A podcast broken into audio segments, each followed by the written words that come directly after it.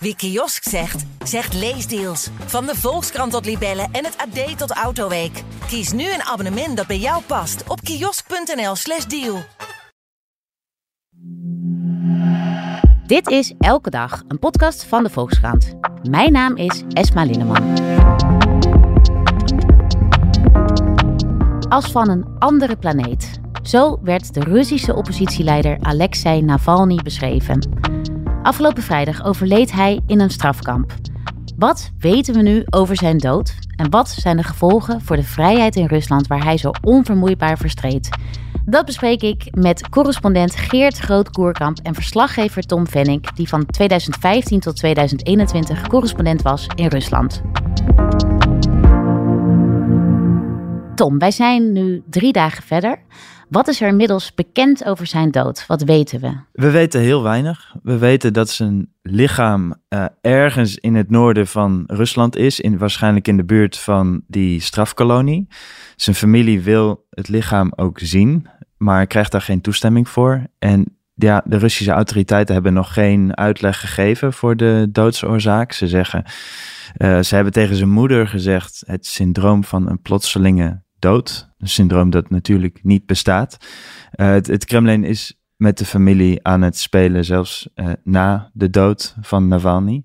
Ja, maar het, het mogen duidelijk zijn dat het Kremlin verantwoordelijk is voor zijn dood. Zij hebben hem opgesloten om politieke redenen. Ze hebben hem al eerder proberen te doden, hè, vier jaar geleden met uh, zenuwgif. Dus dat staat vast. Ja, er wordt ook veel gesproken over die, uh, die laatste video waarin hij verscheen via videolink. Daarin zag hij er nog gezond uit, voor zover je dat kunt zeggen van iemand. Ja, hij was uh, vrolijk. Zit. Ja. was vrolijk. Ja. Hij maakte grapjes, uh, zag er relatief goed uit, ja. maar als je de foto van toen naast de foto legt van voordat hij uh, werd vergiftigd, dan is dat wel een heel ander, uh, ziet, het, ziet er heel anders uit. Ja. Hij heeft uh, weinig gegeten in het strafkamp, hij is enorm afgevallen.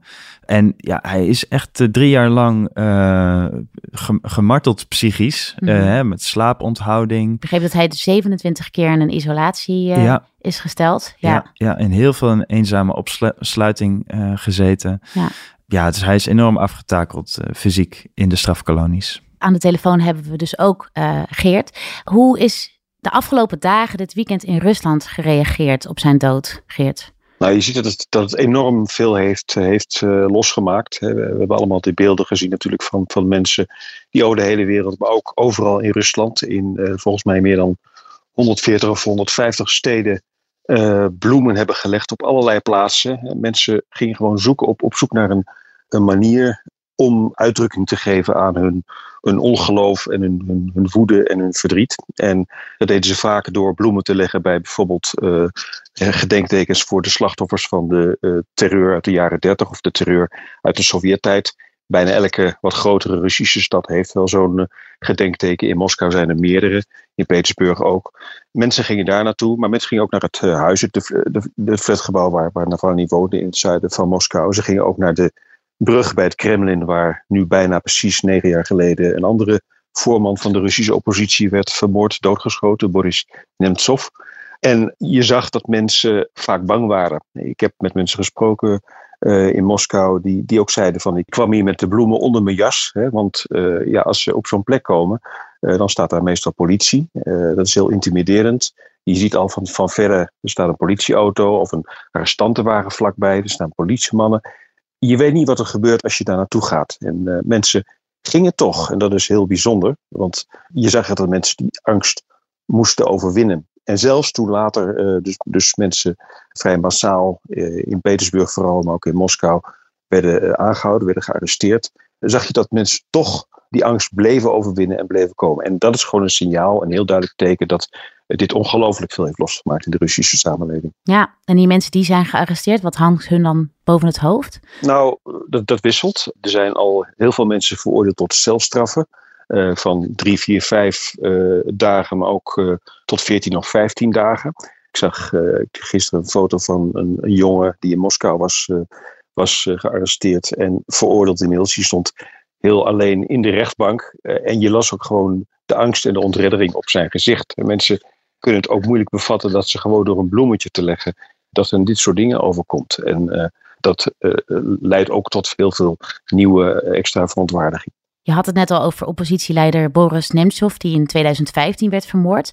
Toen gingen tienduizenden burgers de straat op. Ehm, na de arrestatie van Navalny in 2021 demonstreerden honderden duizenden Russen. Hoe, ja, hoe was dat na afgelopen weekend? Hoeveel mensen ja, durfden nu de straat op te gaan? Of bloemen te leggen of van zich te laten horen? Het is moeilijk, moeilijk te meten natuurlijk. Maar als je kijkt dat over heel Rusland mensen in beweging kwamen. Hè, dan, dan heb je het natuurlijk al gauw over duizenden mensen.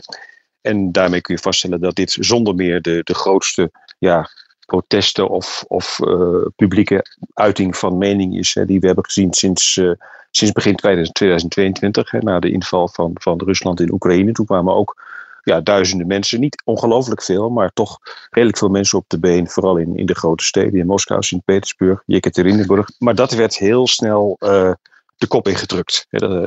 onmiddellijk toen, dat, toen die eerste signalen er waren, verschenen in de stadscentra enorm veel politie, eh, mensen in, uh, in burgerveiligheid, mensen, van de veiligheidsdiensten. Die protesten werden eh, heel snel de kop ingedrukt, in de kiem gesmoord. En het gevolg daarvan is, is dat de afgelopen twee jaar protest bijna onmogelijk is geworden. Zelfs als je met een wit papier ergens op straat gaat staan, eh, je zegt niks, dan word je aangehouden, dan krijg je waarschijnlijk een veroordeling, een boete of misschien zelfstraf. En dat heeft geleid tot heel veel angst om je uit te drukken. En dat maakt het, juist dat maakt het zo bijzonder dat nu duizenden mensen, ja, geen tienduizenden, geen honderdduizenden, maar toch duizenden mensen uh, de straat op zijn gegaan, die angst hebben overwonnen, omdat ze zich gewoon genoodzaakt voelen iets te doen. Ja, precies. Want wat vertellen ze jou over hun beweegreden om toch die straat op te gaan, dat risico te nemen? Ik sprak uh, mensen in het uh, Museumpark, dat is een, een park, park vlakbij het Gorky Park in het centrum van Moskou. En daar uh, zie je ook allerlei standbeelden uit de Sovjet-tijd. Een beeld van Stalin ligt daar ook van andere communistenleiders. Die zijn daar na de omwenteling in 1991 neergelegd. En daar is ook een monument voor de uh, slachtoffers van, van de terreur. En mensen zeiden van ja, ik was het misschien uh, lang niet altijd eens met Navalny. Hij is natuurlijk voor sommigen een controversieel figuur. had bijvoorbeeld bepaalde denkbeelden die misschien niet iedereen aanspraken. Maar ze zeiden ook van ja, dit zijn dingen uh, wat er met hem is gebeurd, vooral de afgelopen jaren. Hè, dus zijn, zijn vergiftiging in 2020, uh, eh, vervolgens een terugkeer naar Rusland, zijn gevangenname, vervolgens afgelopen augustus die veroordeling tot 19 jaar wegens extremisme. Dat heeft heel veel mensen doen besluiten van ja, dit, is, dit gaat alle perken te buiten. En uh, wat voor denkbeelden wil ook, hij, ook, hij ook heeft, of, uh, of ik het nou altijd met hem eens ben of niet, dat is allemaal van minder belang. Uh, het belangrijkste is nu dat we gaan toewerken naar een ander Rusland. Een Rusland waarin iedereen gewoon weer kan zeggen wat hij wil. En dat is de betekenis voor heel veel mensen geweest van Navalny. Hij was een soort, zeg maar een soort waakvlammetje. juist het feit dat hij in Rusland was, dat verklaart ook voor een deel zijn voor sommige mensen vreemde besluit om terug te keren in het hol van de leeuw. Dat heeft hij gedaan. Maar hij was dat waakvlammetje in Rusland zelf wat mensen toch, eh, toch hoop gaf. En dat hoor je zo in Rusland en dat heeft eh, Tom ook ongetwijfeld gehoord in Amsterdam van mensen. Ook wel hoor je dat mensen zeggen van ja, die hoop die we hadden, die is nu vervlogen. En Tom schreef eerder ook, um, een dode Navalny groeit uit tot een martelaar. Zie jij dat nu gebeuren, Geert? Nou, ik, ik, ik, ik denk veel terug aan 2015, hè, toen, uh, toen Nemtsov werd vermoord. En uh, de twee waren goede, goede vrienden, Navalny en Nemtsov. Ze kenden elkaar heel goed. Ze waren ook heel vaak samen op uh, demonstraties. Ik, ik, weet in 2012, toen, was ik erbij toen zowel Nemtsov als Navalny behoorlijk hardhandig werden gedemonstreerd uh, op zo'n demonstratie. Maar Nemtsov, uh, dat maakt ook heel veel los. 50.000 mensen, meer dan 50.000 mensen gingen de straat op toen. sindsdien, sinds de dag van de moord, zijn er elke dag op de brug, op de plaats waar die werd vermoord, staat een portret en er zijn er bloemen. Er zijn mensen, vrijwilligers, die dag en nacht, vrijwel dag en nacht daar de wacht houden. Navalny is ook zo iemand van zo'n kaliber en zelfs groter. Navalny is iemand waarvan ik zeker weet dat uh, ook over 10 of 20 of 30 jaar dat er nog steeds in wat hij altijd noemde dat, dat mooie Rusland van de toekomst, dat er nog steeds uh, t-shirts zullen worden verkocht met de beeldenis van Navalny. Hij is een, man uh, die sommigen vergelijken met bijvoorbeeld de impact van hem, vergelijken sommigen met de impact van bijvoorbeeld een Che Guevara in de tijd, hè, waarvan je nu nog steeds ja, allerlei attributen kunt kopen met zijn afbeelding. Navalny is ook zo iemand. Hij is een legendarische figuur en dat zal alleen maar groeien denk ik, in de toekomst. Hoe heeft Poetin gereageerd op zijn dood? Nou, Poetin heeft gereageerd door een, uh, een oorverdovend stilzwijgen, laten we het zo maar noemen. In de eerste uren na het bericht van de dood van Navalny zagen we dat de, de woordvoerder van Poetin, Dmitri Peskov, werd gevraagd van, nou, is, is, is Poetin op de hoogte? En nou, Peskov zegt altijd, dat is niet onze zaak, maar goed, we zijn op de hoogte en de president is op de hoogte. We wisten dus dat Poetin op de hoogte was op dat moment. Daarna was hij nog uren in beeld. Hij sprak mensen toe. Uh, hij was op, op reis in, de, in, het zuiden van de Oeral. Maar hij heeft geen moment gevonden om iets te zeggen over ja, de dood van een van de grootste politici van het moderne Rusland. En dat spreekt natuurlijk boekdelen. Ja. Tom, jij schreef in 2020 over, over Navalny. Hij komt van een andere planeet. Zo onbevreesd was hij. Wat, wat denk je wat hem dreef? Nou, zo werd hij wel eens beschreven in, ja. uh, in Rusland. En wat, wat Geert net vertelt over de angst die je toch wel kan zien bij mensen die de straat op gaan. Die heb ik ook vaak gezien toen ik correspondent was in Rusland. Bij mensen die stonden te demonstreren. Die stonden echt te scanderen dat uh, Rusland zonder Poetin, weg met de tsaar. Maar ze waren wel degelijk bang. Dus bij heel veel mensen zag je wel dat er angst was om, om opgesloten te worden of om van de universiteit te worden gegooid of om te worden ontslagen. De, de risico's. Mensen waren zich heel bewust van de risico's die ze namen. Ja. En dat zag je niet bij Navalny. Bij hem zag je geen angst in de ogen. En dat creëren van angst, dat is een van de grootste krachten van het Kremlin. Ze pakken een relatief kleine groep mensen op krijgen heel zware celstraffen. En daardoor gaan heel veel anderen niet meer de straat op. En als ze de straat op gaan, dan zijn ze bang. Ja. Maar ja, die angst zag je niet bij Navalny. En hij gaf daardoor mensen... Ja, hij was een voorbeeld voor veel Russen. Van als we nou allemaal zoals hem zijn, ja, dan winnen we. Dan, dan kunnen we Poetin verslaan. Ja. Ja, dus die, maar die, die, die moed en die uh, gedrevenheid, die had die hadden de meeste Russen toch niet. Nee, hij wordt beschreven als iemand met een, ja, een ongelooflijk groot charisma.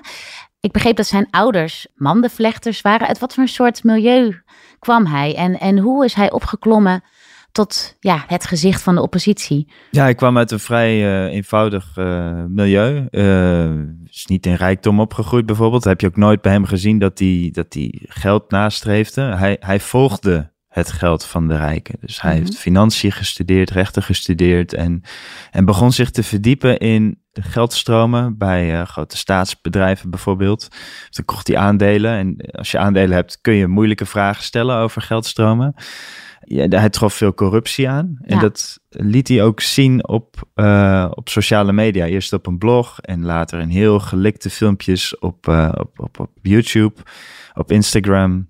En die leggen bloot wat voor mensen er aan de macht zijn in Rusland. En die filmpjes die zijn ontzettend vaak bekeken. En, en dat, daar is die echt heel populair mee geworden. Ja. Ja, dus zo is die langzaam opgeklommen eh, in de oppositiepolitiek. Ja.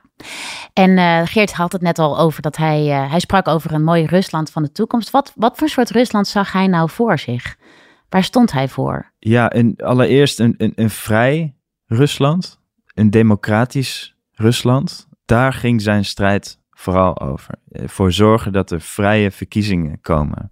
Zodat er mensen aan de macht komen die gekozen worden. Want volgende maand zijn er verkiezingen, presidentsverkiezingen in Rusland. Maar iedereen in Rusland weet dat die niet eerlijk verlopen. Ja. En iedereen weet al wie er gaat winnen.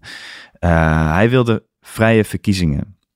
En zodra die er zouden zijn, dan zou, dan zou iedereen zich kunnen aanmelden hè, voor die verkiezingen. Heb je allerlei partijen en dan zou Navalny zelf ook misschien kunnen meedoen. Met eh, misschien wat nationalistischere denkbeelden dan, dan andere politici. Zijn strijd ging, om over, ging over ja, vrijheid. Ja. Ja. Nou heeft hij al eerder eh, op het randje van de dood gebalanceerd. Eh, wat, wat gebeurde er toen? Nou ja, hij balanceerde eigenlijk sinds 2015 al op het randje van de dood. Want toen is zijn vriend eh Nemtsov vermoord voor het Kremlin. En sindsdien was duidelijk ja, dat, dat elke oppositiepoliticus doodgeschoten zou kunnen worden. Het Kremlin was daartoe bereid. Maar ze leken in het Kremlin toch eh, te twijfelen om hem eh, zo aan te pakken. Ehm, Je maar- bedoelt in koele bloeden neer te schieten. ja, om hem zo, Ja, zo bruut dood te schieten, waarbij het heel opzichtig was dat, dat er een politieke moord zou hebben plaatsgevonden. Dus ze probeerden het op een andere manier te doen, Ja. met zenuwgif. Het plan van de Russische Veiligheidsdienst, de FSB, dat, dat later is eh, gereconstrueerd door journalisten, is, is dat hij zou overlijden tijdens een vlucht van Siberië naar Moskou. Ja. Voor de vlucht was hij vergiftigd met zenuwgif. En dat gif begon ook in te werken toen hij ehm, hoog in de lucht zat. Dus het plan verliep eh, zoals gepland. Ja. Maar waar de FSB niet op had gerekend, is dat de piloten een, ehm, een noodlanding maakten. Dat de ambulanceartsen die ter plekke waren direct een tegengif toedienden. Waardoor Navalny het kon overleven. Ja. Hij lag in een ziekenhuis in, in Omsk, waar ik ook ter plekke was. En, en tot toch wel verrassing van, van veel mensen heeft Poetin hem daar niet laten overlijden. Maar heeft Poetin toestemming gegeven voor een evacuatievlucht naar Berlijn. Waar die eh, eh, langzaam weer is hersteld. Maar het, het lijkt erop dat de autoriteiten ervan uitgingen, ja, die, die zien we nooit meer terug. Ja. Want ja, Ze dachten, hij gaat nu dissident worden. ja, Zoals, Ja. de- zoals heel veel mensen Ja. eh, uiteindelijk nooit meer terug zijn gekomen eh, in Rusland. Eh, Maar Navalny koos anders. Eh, een beslissing die heel veel mensen moeilijk te volgen vinden. Hij ging terug naar Rusland in de volle wetenschap, als ik het goed zeg, dat hij daar ter plekke gearresteerd zou worden. ja, hij moet geweten hebben dat die kans eh, vrij groot was. Ja. En veel mensen hebben dat niet begrepen. want Die dachten toch, ja, de- de- denk, denk aan jezelf, denk aan, eh, Je aan je vrouw, denk aan je kinderen. Hij keek daar anders naar. Hij dacht, ja, maar ik denk toch juist aan mijn kinderen. Ik denk toch juist aan mijn vrouw en aan mijn familie door terug te keren. Ik ga mijn land verdedigen. Ja, Mijn denkbeelden, de toekomst van mijn familie, die staat op het spel. En daarom keer ik terug. en voor hem eh, betekende dat ook terugkeren naar Rusland. Dat was de enige optie. Want er zijn ook mensen die eh, vanuit het buitenland proberen natuurlijk eh, een oppositie op de been Ja. te houden. Of, Ja, en dat, en dat, dat is moeilijk. Ja. Eh, je ziet het bijvoorbeeld bij Michail Godorkovsky, een, een oligarch die het tegen Poetin opnam. in de gevangenis belandde. Daarna ook naar het buitenland is gegaan. En hij is nu al meer dan tien jaar niet meer in Rusland geweest. En ja, zijn populariteit is ook niet groot in Rusland. Het is heel moeilijk ook om mensen bijvoorbeeld op te roepen om de straat op te gaan. als je zelf in een democratie leeft. ja, Dus je, je, je raakt de band kwijt met de Russische bevolking. De- Ja. En dat wilde Navalny niet. ja. Navalny stond eh, nou ja, bekend om zijn moed, maar ook om zijn humor. Ja, tot op de dag voor zijn dood was hij grap aan het maken. hè, in de, in die, die rechtszaak die je al noemde. In zijn Instagram-posts, die, die hij via advocaten naar buiten wist te krijgen. In, in zijn brieven aan, aan zijn aanhangers, aan zijn familie. Er zat altijd ontzettend veel humor in, eh, in zijn berichten. Dus zelfs vanuit eh, die strafkoloniën, zelfs nadat hij dagen eh, niet had kunnen slapen, omdat hij met een zaklamp in de ogen werd geschenen iedere paar uur. Hij is nooit gebroken. Daar zijn de autoriteiten niet in geslaagd. Dat hebben ze drie jaar lang geprobeerd, maar Ja. hij is niet gebroken. Ja.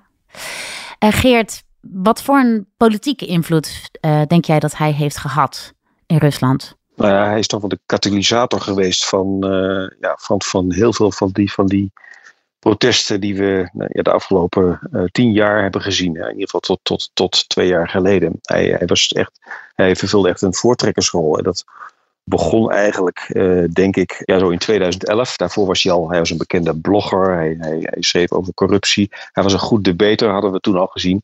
Maar in eh, eind, eind 2011, dat was na de, de, de parlementsverkiezingen, toen kwamen er eh, ja, veel mensen de straat op in Moskou.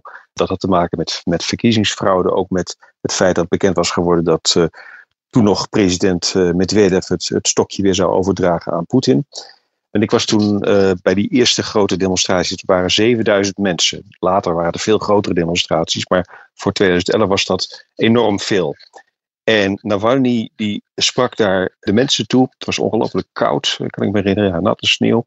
Hij zei van ja, ze, eh, ze noemen ons bloggers. Ze noemen ons, eh, hoe zei hij het ook alweer, internethamsters. En hij zei nou, ik, ik als hamster, ik zal ze de strot eh, doorbijten. Iets in die geest.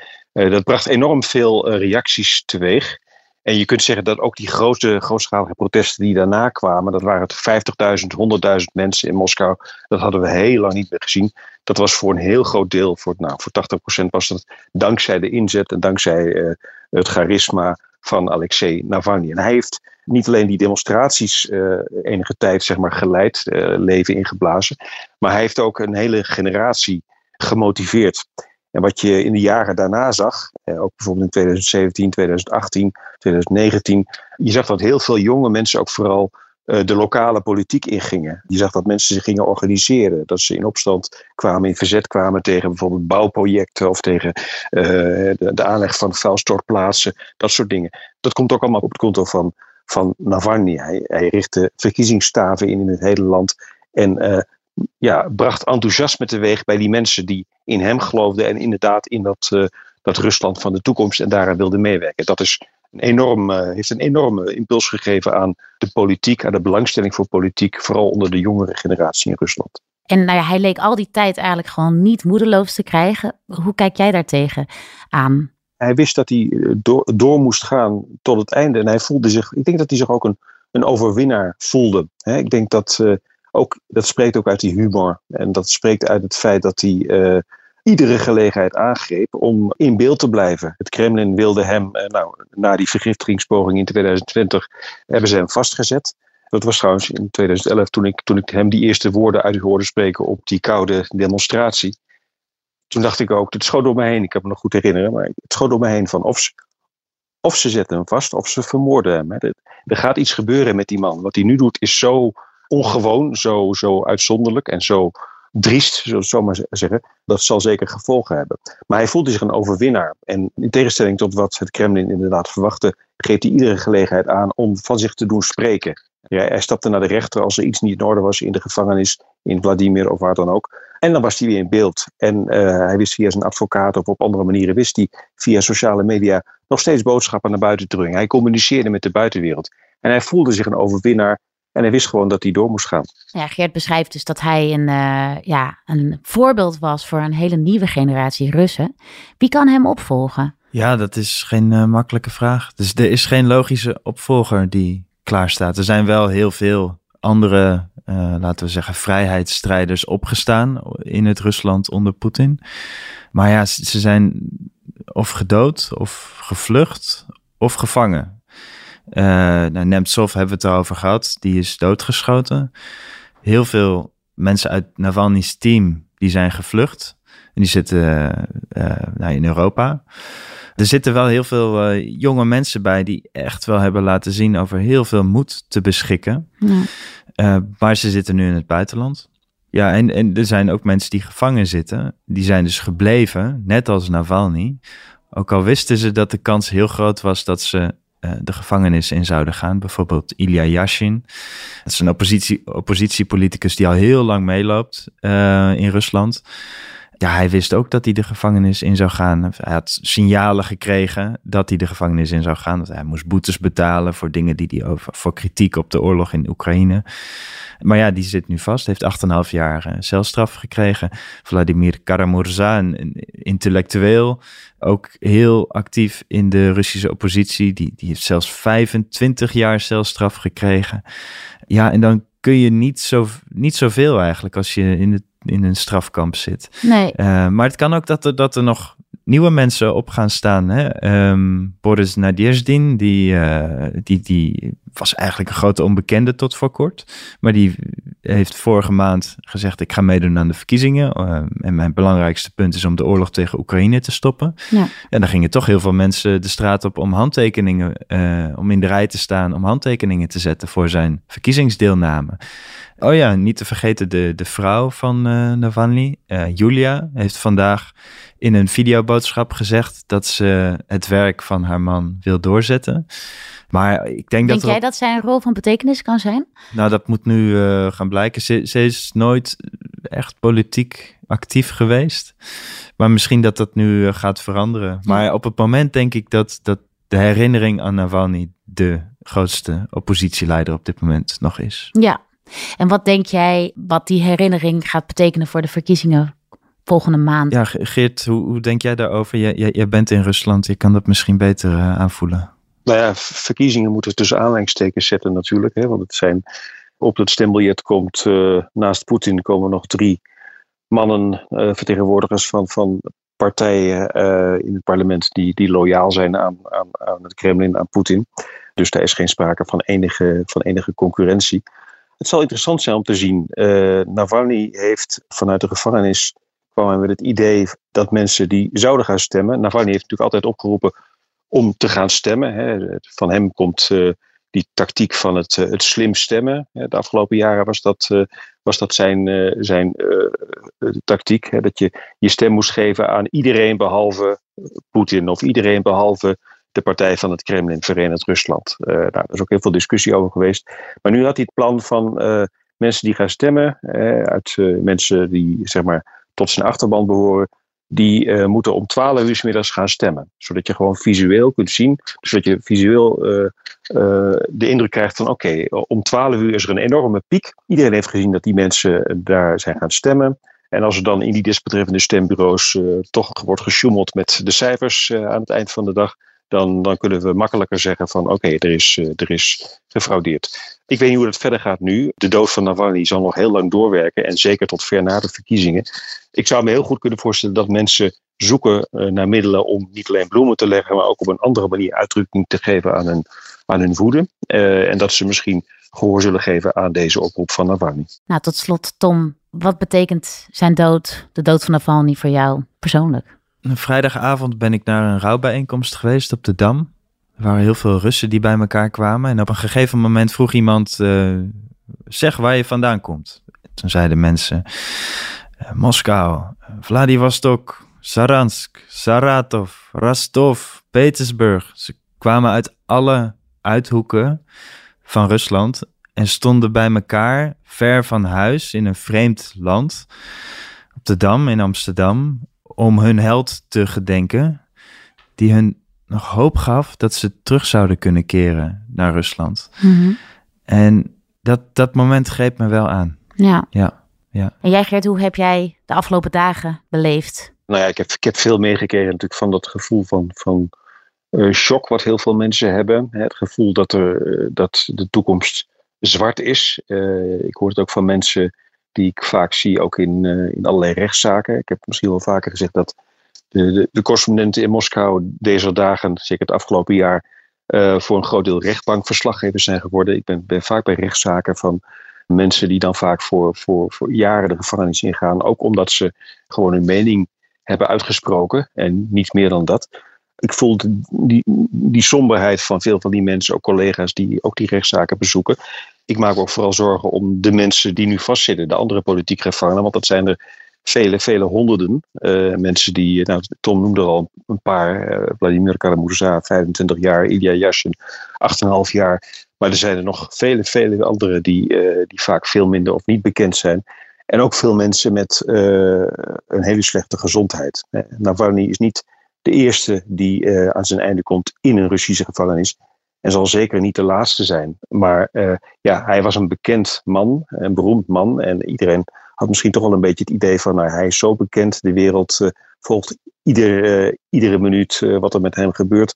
Met hem zal wel niets gebeuren. En nu is dat wel gebeurd. Nou, wanneer is er niet meer.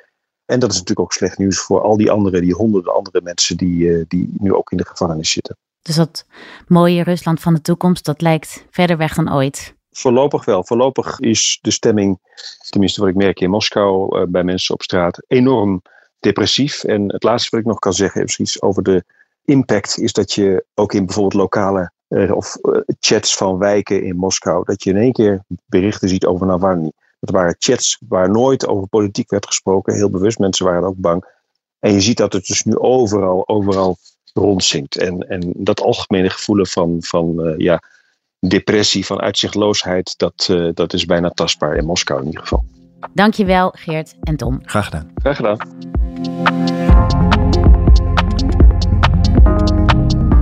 En u luisteraar, hartelijk dank voor het luisteren naar de Volkskrant Elke Dag. Deze aflevering werd gemaakt door Julia van Alem, Rinky Bartels, Corine van Duin, Lotte Grimberg en Jasper Veenstra. En wilt u de Volkskrant steunen? Dat kan. Door een abonnement te nemen via volkskrant.nl slash podcastactie. Want deze podcast is gratis, maar onze journalistiek is dat niet. Morgen zijn we er weer. Tot dan.